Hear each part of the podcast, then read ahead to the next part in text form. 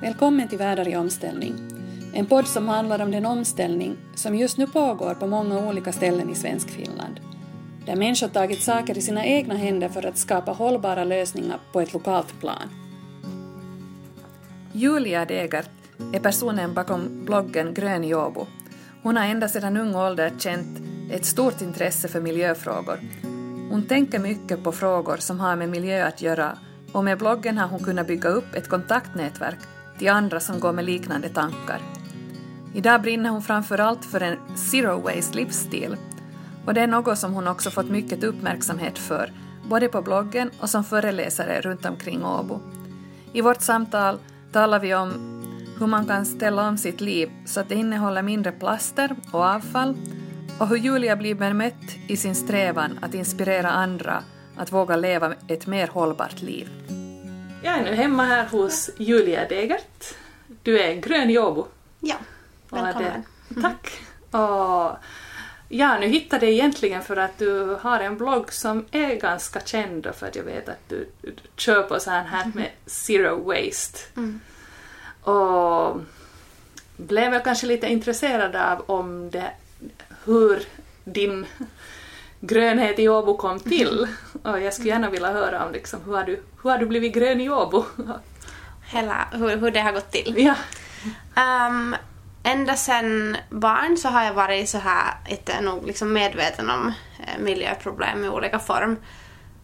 Um, och sen tror jag att när jag var kanske 11 eller någonting så kom jag och liksom så, märkte, så fick jag också höra om klimatförändringen som fenomen och, och den, det har liksom ändrat allting för mig. Att från och med det så har jag på riktigt så försökt göra förändring. Att fast jag kanske brydde mig innan det, sådär som barn nu bryr sig om, om djur och, och natur överlag, så, så det var då när jag var 11 som det faktiskt liksom blev um, viktigt och på riktigt. Och ända sedan dess så har det nog funnits sådär i bakhuvudet på något sätt att, att jag ska göra den, jag måste göra en förändring och jag måste, uh, jag måste göra någonting bra för, för miljön.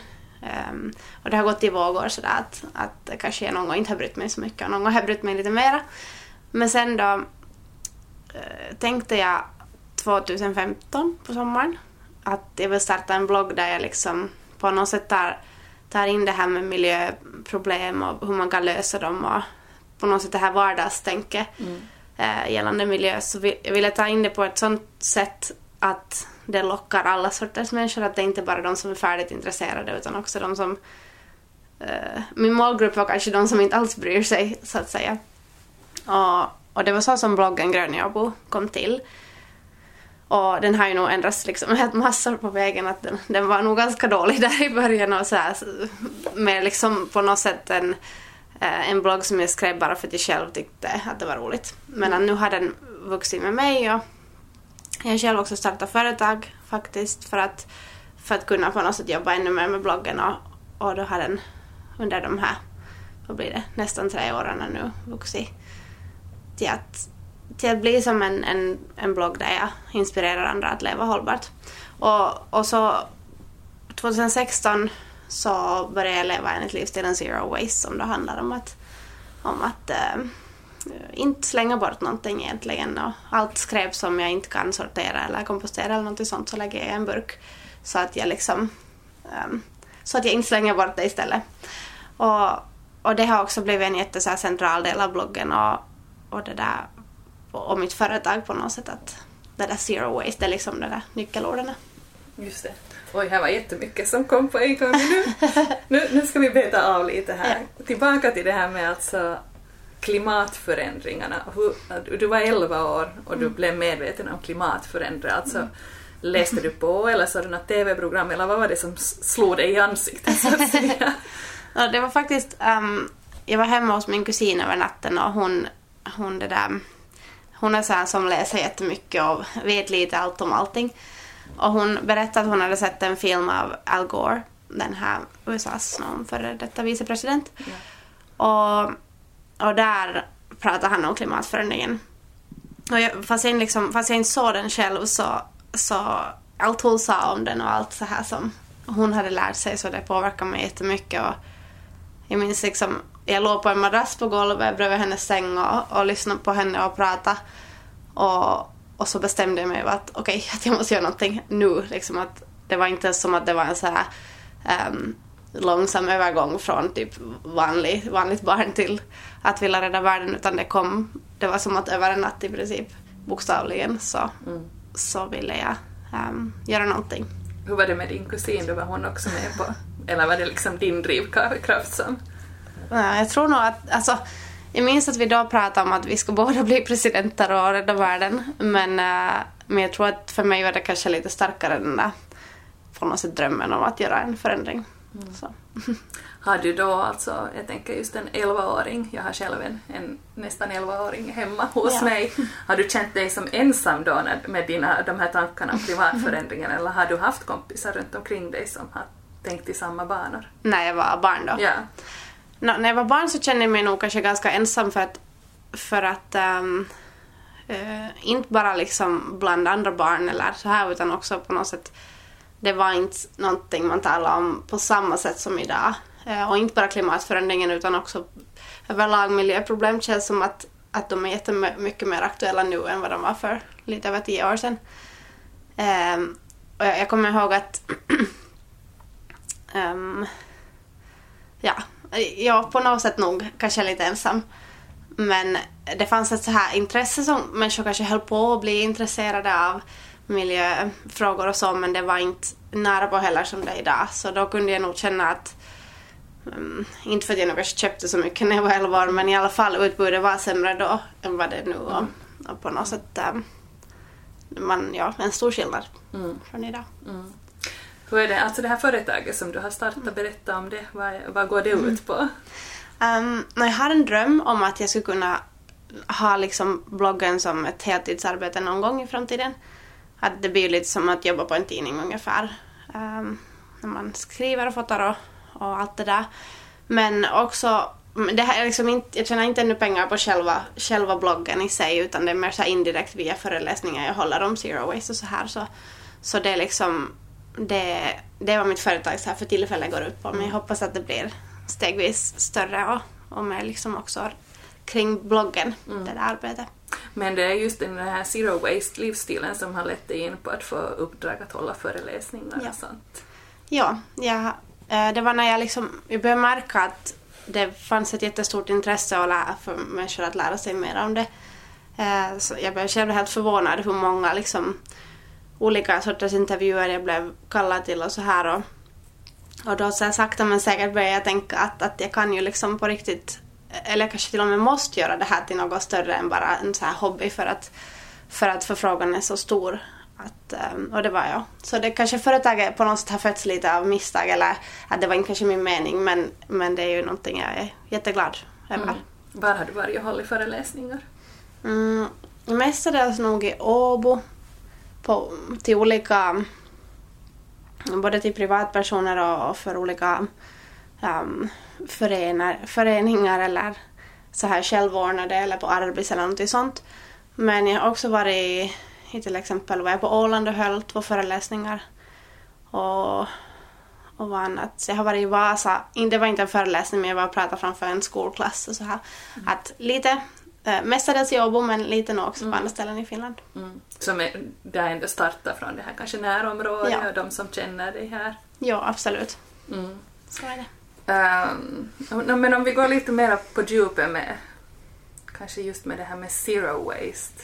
Vad, vad har du fått för insikter från att hålla på med att mm. dra ner på avfallet i ditt hem och din livsstil? um, jag tror att det som var kanske så här mest när jag började, eller ja, om jag går tillbaka till livet innan Zero mm. Waste så, så fast jag nog liksom kände att jag levde miljömedvetet och försökte göra bra val och så här, och säkert gjorde det. Det behöver inte alls vara en, en dålig sak att man köper plast men, men det är ändå något jag har nu då valt bort. Men att, ehm, men så då, då såg jag kanske inte det här plastet som mina produkter var packade i. Att jag var liksom på något sätt lite blind för det. Jag förstod inte att det fanns plast runt det. Uh, men sen när jag började leva zero waste, enligt zero waste-stilen så märkte jag ju att jag såg liksom allt plast. Det var så här, det var som att jag kom in med nya ögon till butiken när plötsligt var liksom alla produkter jag hade köpt förut ungefär var förpackade. Så det var, någon, det var liksom en, en så insikt att, att hur otroligt mycket förpackningsmaterial det används idag. Mm. Men alltså, jag är ju begeistrad av hela det här zero waste-fenomenet för att det är ju grymt mycket plast som kommer mm. och fast man, man skulle inte vilja det men om man går in i butiken och som du säger mm. alltså, det är ju oundvikligt så ja. Men tydligen är det ju inte det. Det är inte oundvikligt. Det mm. går att undvika. På vilket sätt gör man? Ge oss lösningen. Hur ska man? um, no, för det första så kanske jag måste säga det att det, det kanske aldrig är helt och hållet zero waste för att fast jag själv skulle kanske, fast det kanske ser ut som zero waste i mitt hem så kanske det ändå någon gång, någon produkt kanske på vägen till mig. Kanske det har funnits något skräp där på vägen, mycket möjligt. Men det handlar kanske om att, att minska det där personliga skräpet som man får in i hemmet. Um, och mm, no, bara en sån sak som att jag har liksom sluta konsumera jättemycket, eller nästan helt och hållet sluta konsumera sånt som är i princip helt onödigt. Uh, jag, kunde, jag kunde shoppa jättemycket förut och jag kunde liksom köpa allt möjligt roligt smått som jag trodde jag ville ha men som inte egentligen alls behövde. Så på något sätt den där, det behöver ett så här ganska minimalistiskt tankesätt kanske att jag inte behöver allt jag ser på. Eh, det hjälper redan massor. Mm, sen har jag också börjat kompostera mitt matavfall, vilket jag nog gjorde delvis förut också men, men nu är det liksom sådär ganska strängt för mig att det här liksom allting ska nu komposteras som kan. Och där minskar man säkert sitt avfall med hälften kanske till och med. Um, sen när jag, när jag köper mat så har jag alltid med mina egna påsar i olika form och storlek och, och om, det inte, om jag köper något som inte kan vara i en påse så har jag med en egen kanske glasburk eller en metalllåda eller något sånt beroende på vad jag köper. Mm, jag kommer ihåg att förra sommaren köpte jag ganska mycket bär på torget och då, var det, då tog jag alltid med en glasburk och så, så la de det dit och det visade sig bara, det visade sig vara ganska smart för att för att eh, fast det skulle vara kanske zero, zero waste och ha dem i en tygpåse så blir de jättemosiga och, och klottar ner hela liksom, väskan. Så då, där i glasburken hölls de fräscha och de klottade inte ner någonting annat. Så. Sånt här. Vad, se, vad sa försäljarna när du sätter fram glasburken? Blev de förvånade?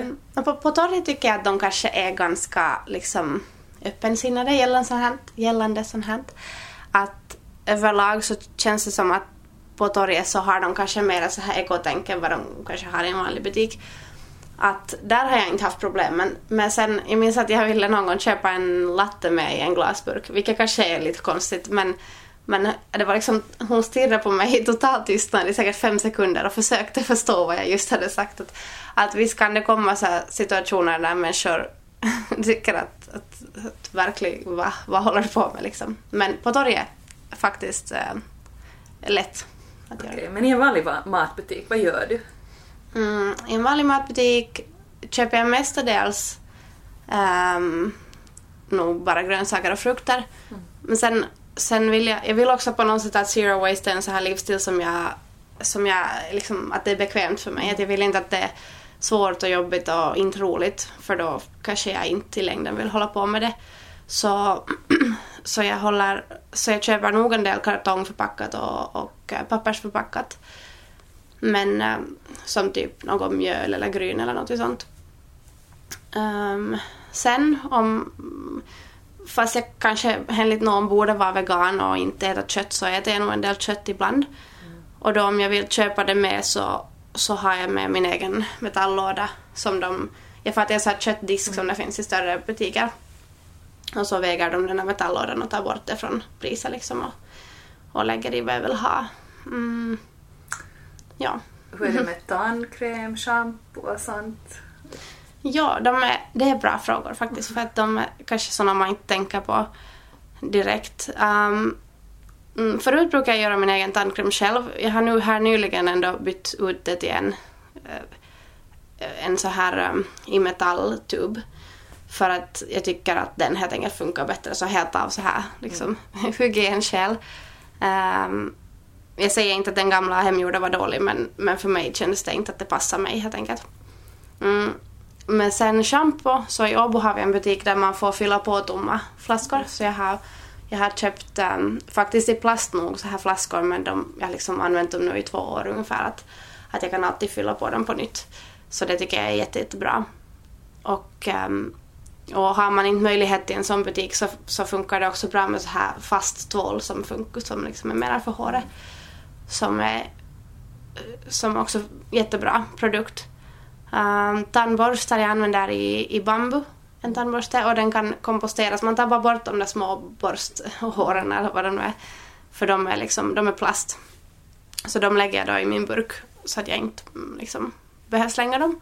Och komposterar själva skaftet. Mm. Ja, all, ja, sant. Just det. Alltså är det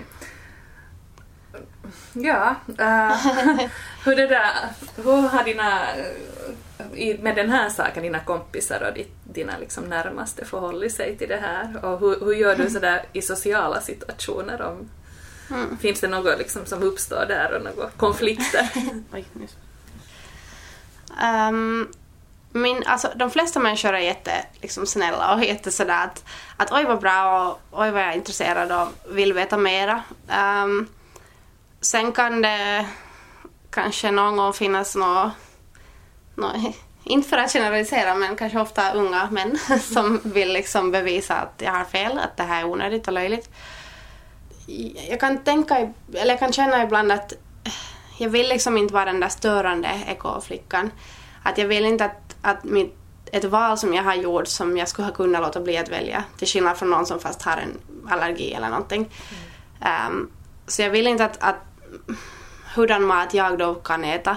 Att det ska påverka vet du, hurdan middag min kompis bjuder på eller något sånt. Utan jag vill att jag vill liksom vara den där snälla människan som alla får leva sitt eget liv runt mig och ingen behöver liksom Ingen ska behöva anpassa, mig, anpassa sig efter min livsstil tycker jag. Därför att det är ett val jag har gjort, det är inte något jag måste. Eller vet du vad jag menar? Att, mm. att um, jag har försökt att på något sätt de här sociala situationerna skulle bli så bekväma som möjligt för alla runt mig för att jag vill, jag vill liksom vara den människan som inte krånglar till det helt enkelt. Men, um, men säkert har det nog hänt, hänt uh, ja ibland, någon gång har jag varit på någon intervju eller liksom en, typ en liknande situation som nu en, en podcast om zero waste och så har det varit att de har serverat vatten ur engångsglas och jag bara Åh, vad ska jag göra liksom? Att det här var ju inte alls nu. Kuggfrågan. Ja, det var liksom att testar de mig eller vad kom de inte bara ihåg? Så sånt kan vara lite pinsamt för jag vill inte heller vara oartig och bara vad håller ni på med liksom? Utan, mm. Men ja, jag drack ju inte upp det vattnet då för det kändes som att det var det gick helt emot vad vi höll på att prata om och, och min egen livsstil. Just det. Ja. Men det där men ändå så säger du att du vill inte vara till besvär, men mm. finns det ändå någon tanke om, jag menar du har den här bloggen och allting och du sa här tidigare att du vill också inspirera andra, kanske sådana mm. som inte tänker så. Så det blir lite motsättningar mm. kanske där att, att hur mycket ändå försöker du föra ut ditt budskap? Är det bara via bloggen? Nej, äh, alla vet ju nog att som umgås med mig att jag lever med lever zero waste och, och, och så här och, och jag, jag pratar nog om det liksom bland kompisar också och berättar. Men, men jag kanske inte Uh, på bloggen vill jag liksom informera men med mina vänner är det ju inte så utan då är det mer bara att jag kanske säger att ja, att sorry att jag kanske inte kan nu göra det och det för att uh, det är plast men, men ni får gärna göra det. Eller någonting så här att, um, att det är nog inte bara på bloggen som det sker utan det är helt så här.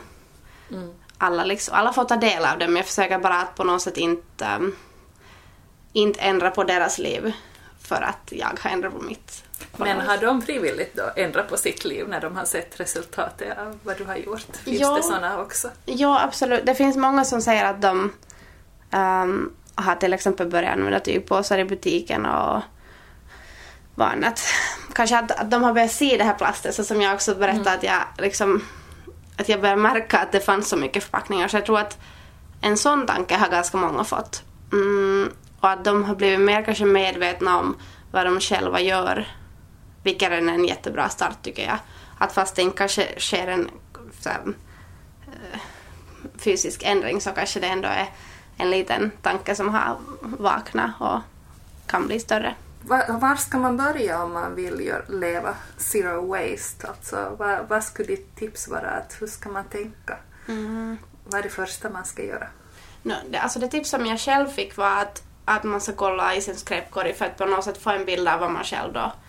Um, varifrån kommer det där skräpet? Att om man vet att man...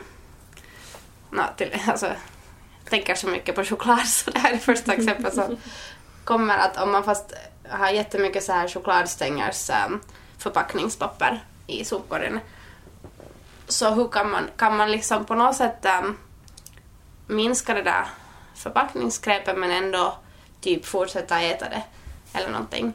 Att, att då kan man till exempel um, kanske göra sin Snickers eller uh, tuppla själv. Just det, men det där... Um, jag vet ju alltså, jag har vissa bekanta som också är jätteintresserade av det här zero waste mm. men, men de har ju gått in för just att odla mera egen mat också mm. för att på det sättet bli av med det här som du sa tidigare att det finns ju ändå där bakom. Ja, på något sätt kommer det in i butiken också. Mm. Så det där. Vad tänker du liksom om allt det här med just med klädavfall och sånt? Har du börjat tänka på sånt och mycket? Jag tänker just mm. att nu har det kommit nyheter om att H&M bränner upp ganska mycket. Just. Ja. Av det vad de, har, vad de inte får sålt. Så. Mm. Hur tänker du på just det här med klädkonsumtion? Ja, alltså, ja, ja, det där är någonting som faktiskt står jättenära hjärtat. Jag liksom, det är nog det är så här hatkärlek till den här kläd... Alltså för att jag tycker ju om, liksom, jag tycker om kläder och det, det är kul att man kan så här uttrycka sig själv via dem. Så det, den där delen är ju helt fantastisk. Men sen den här fast fashion-kulturen är liksom en horrorkultur på så många sätt när man väl läser om vad det händer sådär. Där vad kläderna blir till eller, eller någonting sånt. Så, så jag köper nästan bara begagnat för jag tänker att då har liksom skadan redan skett och jag, jag är inte med och stöder till exempel H&M's um, produktion mm. uh, genom att köpa begagnat. Så det är någonting som jag absolut tänker jättemycket på. Och, och på något sätt också har mitt, har mitt så här tankesätt blivit mer det att jag vill köpa sådana kläder som jag har lätt för att använda mycket och till många olika, i många olika kombinationer så att, att inte man måste ha 50 plagg utan man kanske klarar sig på mycket, mycket mindre för att de alla passar ihop. Och, och, ehm, och sen, ja, ja, jag har, där också har jag ett så minimalistiskt tänkande att jag shoppar inte liksom över stora mängder ens begagnat för att jag vill inte ha sånt i mitt liv som inte jag behöver helt enkelt. Mm. Vad gör du sen av kläderna som du inte mera vill ha? Om de, om de är användbara som kläder så, så ger jag bort eller säljer. Um, oftast lättare att ge bort till någon som, någon, vad heter det, kompis. Men sen kan man också ge såklart till välgörenhet utan att... För jag tycker själv att den där säljdelen är så jobbig att ta sig till att mm. faktiskt göra det så, så hellre ger jag till bekanta eller till Frälsningsarmén eller något sånt. Um, och, och, om det är kläder som är söndriga eller något tyger som är söndriga så och där, där far det lite så här um, motstridigt när vi just pratar om H&M för att de har ju den här textilinsamlingen. Uh, så jag för faktiskt dit så det är ju lite sådär att varför stöder jag då den industrin men men jag tänker att det ändå är ett bättre alternativ än att, jag in, än att de inte ska återanvändas, de här typ Men, söndriga små tygbitar. Och... Berätta lite, hur, hur, varifrån får du inspiration? Om det är ändå du som är på något sätt drivkraften här, men mm. var, var, läser du in dig på de här sakerna? Om zero waste? Ja. Um, det kan komma från jättemycket olika. Jag tänker, hon som fick mig att börja leva zero waste heter Lauren Singer. Och jag faktiskt har jag träffat henne, vilket var jättekul. Och, och det där. Och hon, hon bor i New York och lever en, en så här en zero waste livsstil sen kanske fem år tillbaka och hon är jätteinspirerande och, och har många konkreta tips. Och hon var liksom den här första källan på något sätt att, äh, att lära mig och hitta inspiration. Men sen kan det också vara andra människor som jag... Mm, det kan vara någon bild jag ser på nätet eller vad som helst och sen kan det vara om jag själv har ett problem och jag måste lösa det så kan det på något sätt redan väcka den här inspirationen. Att jag tänker, um, jag hade ett, jag hittade ett par riktigt gamla, kanske tio år gamla skor i källaren som jag tror att det var några av mina systrar som de hade inte använt dem. och så använde jag dem och sen så gick de sönder i botten men jag tyckte så mycket om dem. Och så tänkte jag att månne, månne, månne man kan fixa dem liksom. För att jag har mest bara hört om typ läderskor och sånt som fixas. Men så förde jag dem till, till skomakaren och, och de faktiskt fixade dem och de är jättebra. Och så på något sätt sånt här också att, att jag hade ett problem och sen måste jag lösa det och så um, jag gjorde det ju inte för att kunna skriva på bloggen om det men att jag får ju på något sätt också därifrån inspiration att, att publicera mera uh, inlägg om, om olika problem och zero waste och allt så här. Mm, mm. Hördu, om du skulle själv helt få bestämma hur världen skulle se ut, hur skulle den se ut? Oj, stor fråga. Ja, svara på den nu. um, Har du drömmar om ja, framtiden? massa. Alltså, jag önskar jag, jag är jätteintresserad av hållbar utveckling och då inte bara den här ekologiska delen utan alla de där kulturell, social, ekonomisk. Det finns säkert mer också som jag inte vet om. Men att på något sätt att om man skulle lyckas få en sån värld som funkar så att de här alla är i balans med varandra, de här delarna. För att ofta så kan det ju kanske... Det kan ofta vara någonting som är dåligt fast något annat är bra med en produkt till exempel. Att det kanske är ekologiskt hållbart men det kanske inte det kan hända att de människorna som har tillverkat produkterna har haft dåliga arbetsförhållanden. Och det är, liksom, det är det här som jag tycker är så hemskt för att alla de här olika delarna borde vara precis lika viktiga men de är sällan det. Så, så en sån värld var, var det liksom inte finns problem. det skulle vara bra. Ja. Så. Tycker du att den här zero waste-stilen hjälper upp det på något sätt? Um, jag hoppas det. Um, men... Um, oj, svår fråga. jag tror ju att um, mycket är just bra med den att vi till exempel just till exempel det här när jag sa det här om de här olika aspekterna av hållbar utveckling att, att mycket i zero waste är väldigt miljövänligt men också det att man till exempel köper då de här begagnade kläderna istället för nya så blir ju att det är mer också etiskt bra på det sättet att man inte stöder till exempel barnarbete. Uh, men sen å andra sidan hur ska de här få pengar istället? Eller liksom att det finns så många, vet du. Mm. Uh, det finns så jättemånga synvinklar att, att vad är liksom det absolut bästa av många, kanske bra alternativ. Eller, ja. Så jag vet inte, om jag ska vara helt ärlig så vet jag inte vad som är den kanske mest perfekta livsstilen men, men jag tror nog att Zero Waste gör jättemycket bra. Och, och det där, förutom att det är just det miljövänligt hållbart så tror jag att man mår ganska bra av det. Mm. För det liksom, man slipper mycket så här, man slipper en hel del kemikalier till exempel för att man kan inte liksom börja köpa dem för de är ofta i plast och så här. Att det, att det kommer också in en så här hälsoaspekt på något mm. sätt. Så. Mm. Men svår fråga. Visst är det det. Men livet är inte lätt alltid. Nej, faktiskt inte. Nej, just det. Men det där... Ja, jag vet inte riktigt om jag har så hemskt mycket andra saker jag skulle vilja fråga. Jag tycker ju det är jättespännande att du har varit så ung och kommit liksom igång med de här sakerna och sådär. Och tydligen så är det ju inte bara klimatet du tänker på mm. utan du tänker nog jättemycket på andra saker också. Ja. ja, jag försöker men att just som den här förra frågan så det är ju nog en jätte, det är jättesvår, liksom, ett svårt pussel på något sätt att gå ihop. Mm. Men, men ja. Mm. Men du känner inte sådär att du skulle bara vilja stänga av och, och leva precis utan att tänka på de här sakerna? No, alltså ibland, ja absolut. Ibland, ibland ska det bara, alltså för jag är så här riktig sockerråtta så jag älskar liksom alla just som vi pratar om chokladstänger mm. så jag, liksom, jag älskar dem, de är så goda. Mm. Så ibland kan jag ju få sådär att ah, jag orkar inte bry mig idag, jag orkar inte vara seriös. Jag skulle bara vilja köpa allt roligt som är i plast ungefär. Klart att jag kan absolut få sådana men sen tänker jag ju att att kanske det nu inte är så himla uh, liksom, viktigt egentligen. Det är mer så här impulstankar. Mm. Um, men också, också på något sätt det där att jag kan kanske känna att jag är ganska iakttagen ganska ofta. Så att om jag går i en butik och jag fast ens håller i en produkt packad i plast så känner jag så ah, nu ser alla, nu vet alla att jag är här. Mm. Fast jag inte ska köpa den men jag kanske bara tittar på produkten av intresse. Ja. Så kan jag känna en så här, stress och, och den, den kan ju kanske ibland kännas lite jobbig att, att just att man alltid är iakttagen. Kanske jag inte ens är men jag känner det liksom mm. inom mig. Så det skulle vara skönt att ingen skulle veta någonting om mig och ingen skulle veta vad jag gör eller vad som helst. Så.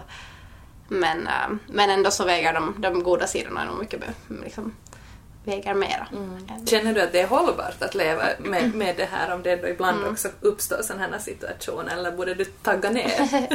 ja, det där är en jättebra fråga för i början kunde jag vara sådär att um, som jag sa, min blogg var inte så hemskt bra i början. Den var ganska så här, den var slarvigt gjord och på något sätt tänkte jag, jag tänkte inte så mycket före jag skrev och, och så här. Um, och jag hade kanske lite samma attityd till Zero Waste, att jag tänkte inte riktigt på det där, att hur går det till i praktiken.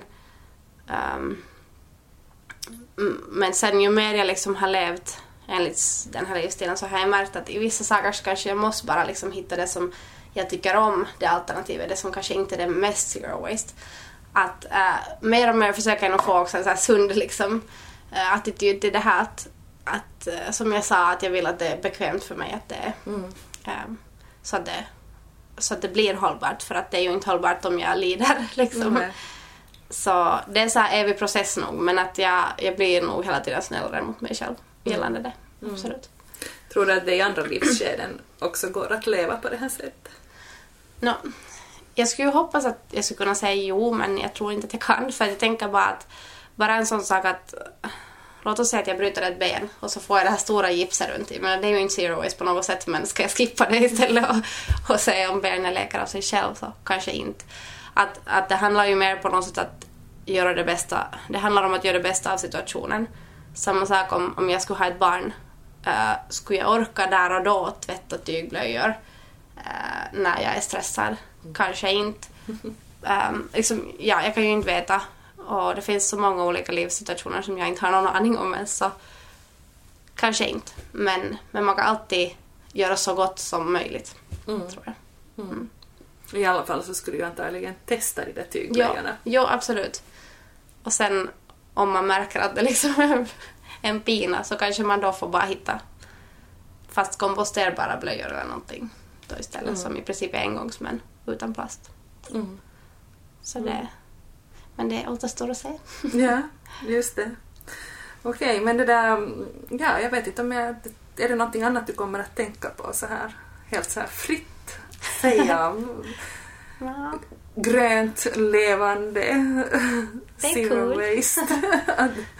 zero waste är roligt och, och det är på något sätt mentalt så här kiva för att man nog för att jag pratar om den här stressen man också mm. kan känna med att man, man, eh, man känner sig liksom bra när man vet att man har gjort ett val som kanske gav någonting för framtiden. Mm. Så. Mm. Så det är, det är, inte bara liksom för miljön utan det är också nog mycket för mig själv som jag tycker om det här. Mm. Mm. Och du vill satsa på det liksom i, ja. genom firma och allting? Absolut.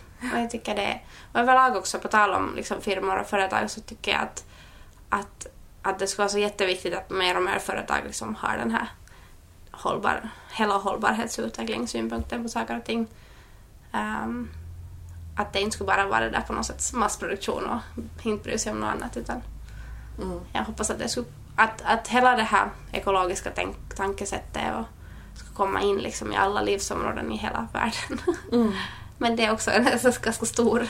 Ja, men någonstans ska det börja med ja. lite drömmar och visioner. Absolut. Men bra, tack Julia ja. för det här tack. pratet. Tack för att du tog dig tid att lyssna på ett avsnitt ur poddserien Världar i omställning. Ett stort tack går också till projektets finansiär Svenska kulturfonder.